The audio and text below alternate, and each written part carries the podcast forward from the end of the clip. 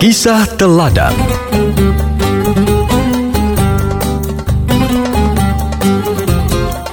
Kisah Teladan Kumpulan cerita tentang kemuliaan akhlak dan ketinggian budi pekerti.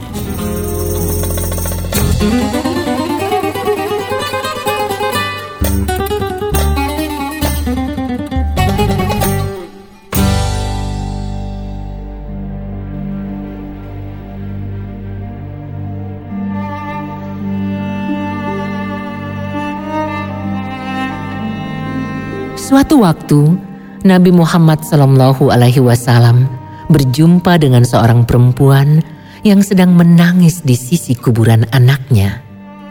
Kepadanya, Rasulullah berkata, "Bertakwalah kepada Allah dan bersabarlah." Mendengar kata-kata tersebut, si perempuan justru menyuruh Nabi untuk segera menyingkir darinya karena tidak merasakan musibah yang dialaminya dan tidak pula mengerti perasaannya.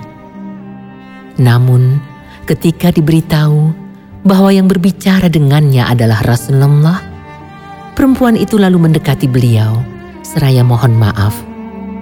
Rasulullah pun tersenyum sambil berkata, "Sesungguhnya beratnya sabar adalah hanya pada benturan pertama."